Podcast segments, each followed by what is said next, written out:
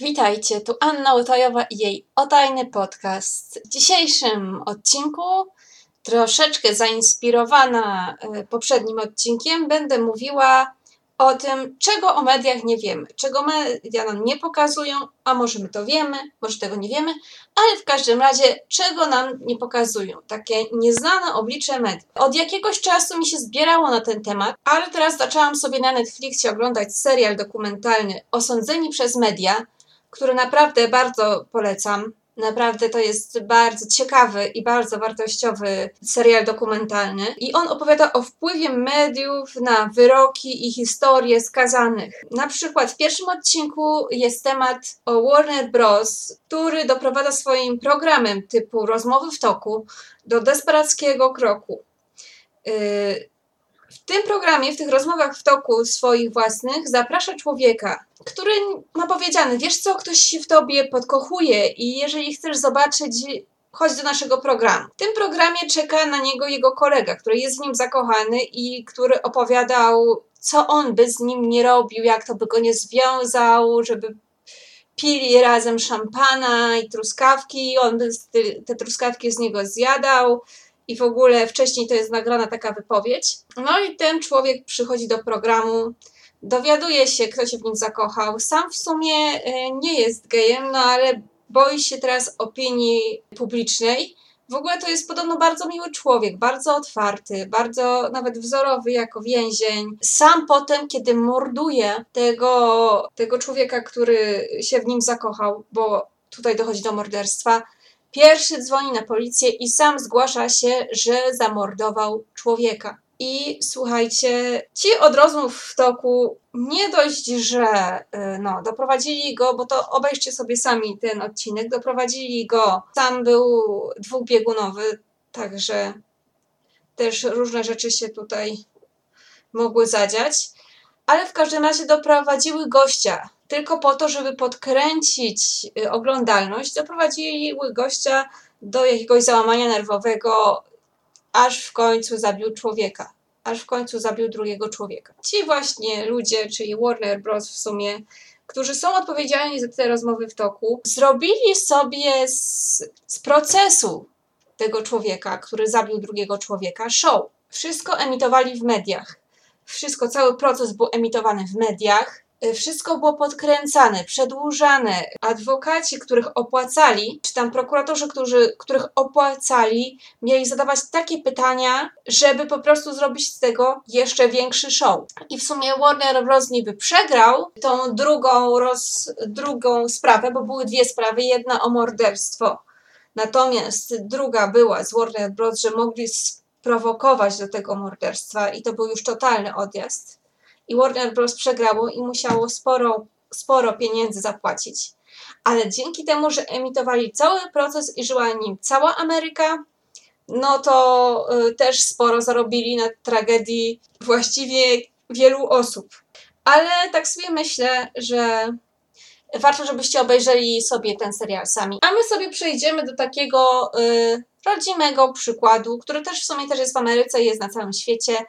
Top Model zostań modelką, czyli top model i na przykład y, z relacji z wielu filmików osób, którym skończyły się już umowy z TVN-em, czy tam ze stacją, która emitowała to ich sezon top model w Ameryce, wiemy jak to naprawdę wygląda. I tak jedna uczestniczka z amerykańskiego top model powiedziała, jak wygląda życie po opuszczeniu domu. Bo my mamy pokazane, że e, ktoś odpada z top model i jedzie, pakuje manatki i jedzie do domu. A to wcale nie jest tak. Jeżeli odpadniesz wcześniej, czeka cię życie w zamknięciu do końca sezonu.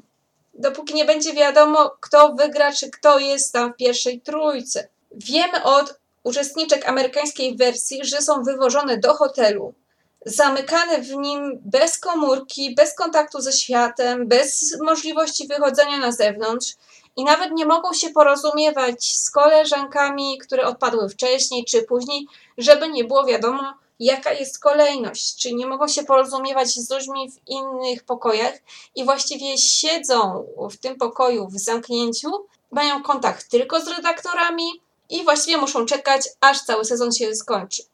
Więc nic dziwnego, że płaczą, kiedy odpadają wcześniej. I tutaj nie chodzi tylko o zrujnowane marzenia, tylko o to, że czeka ich dłuższy okres w zamknięciu, bez żadnych właśnie koleżanek, czy bez. No nie jest to sympatyczna sytuacja.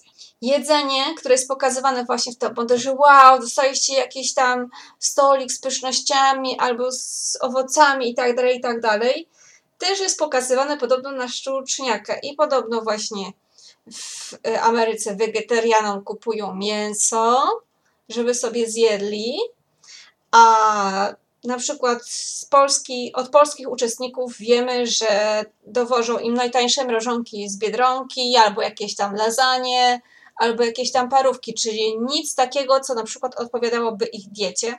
I jedna z uczestniczek mówiła, że ona bardzo schudła w top model, bo się po prostu bała jeść tych wszystkich rzeczy, że zaraz je zje i przytyje na sesję i powiedzą, że od siebie nie dba. A tak naprawdę karmili ich najprostszymi rzeczami, które właściwie nie są zbyt zdrowe. Jury w takich programach właśnie typu Top Model często jest na pokaz i właściwie nie ma, nie ma mocy decyzyjnej, mimo tego, że pokazujemy ich, że o, oni zdecydowali, bo mają mówione w słuchawce, czy kogoś krytykować, czy chwalić. Czyli dopóki w słuchawce im ktoś nie powie, że jest źle, to chwalą.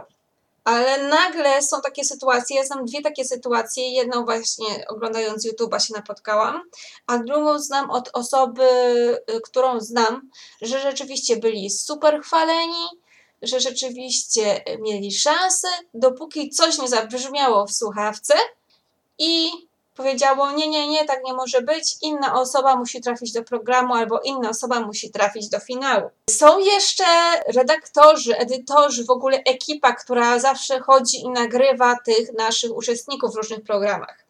I to, że na przykład uczestnicy mówią złe słowa o innych, wygląda tak, że właśnie ty, ci redaktorzy proszą o opowiadanie dobrych rzeczy o innych uczestnikach i, i ta osoba się produkuje, że ta osoba jest taka fajna, a tu ma taki talent, a tu ma taki talent i wtedy redaktor pyta, no weź, ale musi mieć chociaż jedną wadę.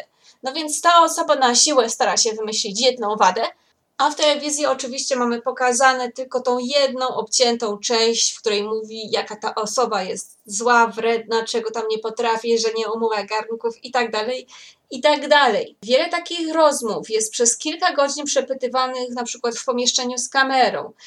I to przepytywanych po 10 razy o to samo, aż w końcu się popłaczą. Co pokaże telewizja? Oczywiście, te 5 sekund płaczu, a nie pokażą tych, tych kilku godzin męczarni, y, tego, że osoby już mają dość tych pytań po raz kolejny i kolejny. I w końcu się uda tą szpilę takiej osobie zmęczonej wbić i ona się w końcu rozpłacze. I tutaj chciałam zwrócić na takie, uwagę na takie trzy zjawiska, jakimi jest fake news, czyli fałszywe wiadomości. Na to musimy w dzisiejszym świecie uważać. Post-truth, czyli post-prawda, czyli przerobienie, totalne przerobienie prawdy na swoją modłę. Czyli to jest taka prawda, nieprawda, postprawda. Oraz clickbaity, czyli jeżeli, jeżeli po prostu nie wiadomo jak przyciągnąć kogoś do artykułu, to się daje jakiś ekstra nagłówek. Zobacz, co się stało. Zginęło siedmiu, zabił jeden. I na przykład okazuje się, że zginęło siedem królików, zabił ich jeden lis. A tutaj i najlepsze jak na przykład na tym obrazku właśnie, w którym chcemy kliknąć jest ambulans, który w ogóle by do tego lisa nie przyjechał, ani do tych królików by nie przyjechał, prawda? I myślę, że to jest taki krótki odcineczek yy, i myślę, że następne odcinki też będą krótkie, bo chcę przełamać tak jakby tą moją przerwę od podcastów, bo wydaje mi się, że przez to, że właśnie chcę nagrywać długie podcasty, to nie mogę nagrać żadnego odcinka, bo wszystkie moje tematy są takie króciutkie i zwięzłe, które mają Wam dać do myślenia, a nie mają rozwijać super jakiejś myśli. Także być może kolejne odcinki będą częściej, ale będą krótsze. Mam nadzieję, że Wam to nie przeszkadza. Jakby co, to dajcie znać y, na fanpage'u o Tajny Podcast i Gekiuma Henshin, albo na Instagramie o Tajny Podcast, albo na mojego maila niebieskakoza1 małpa. Pozdrawiam, to była Anna Otajowa.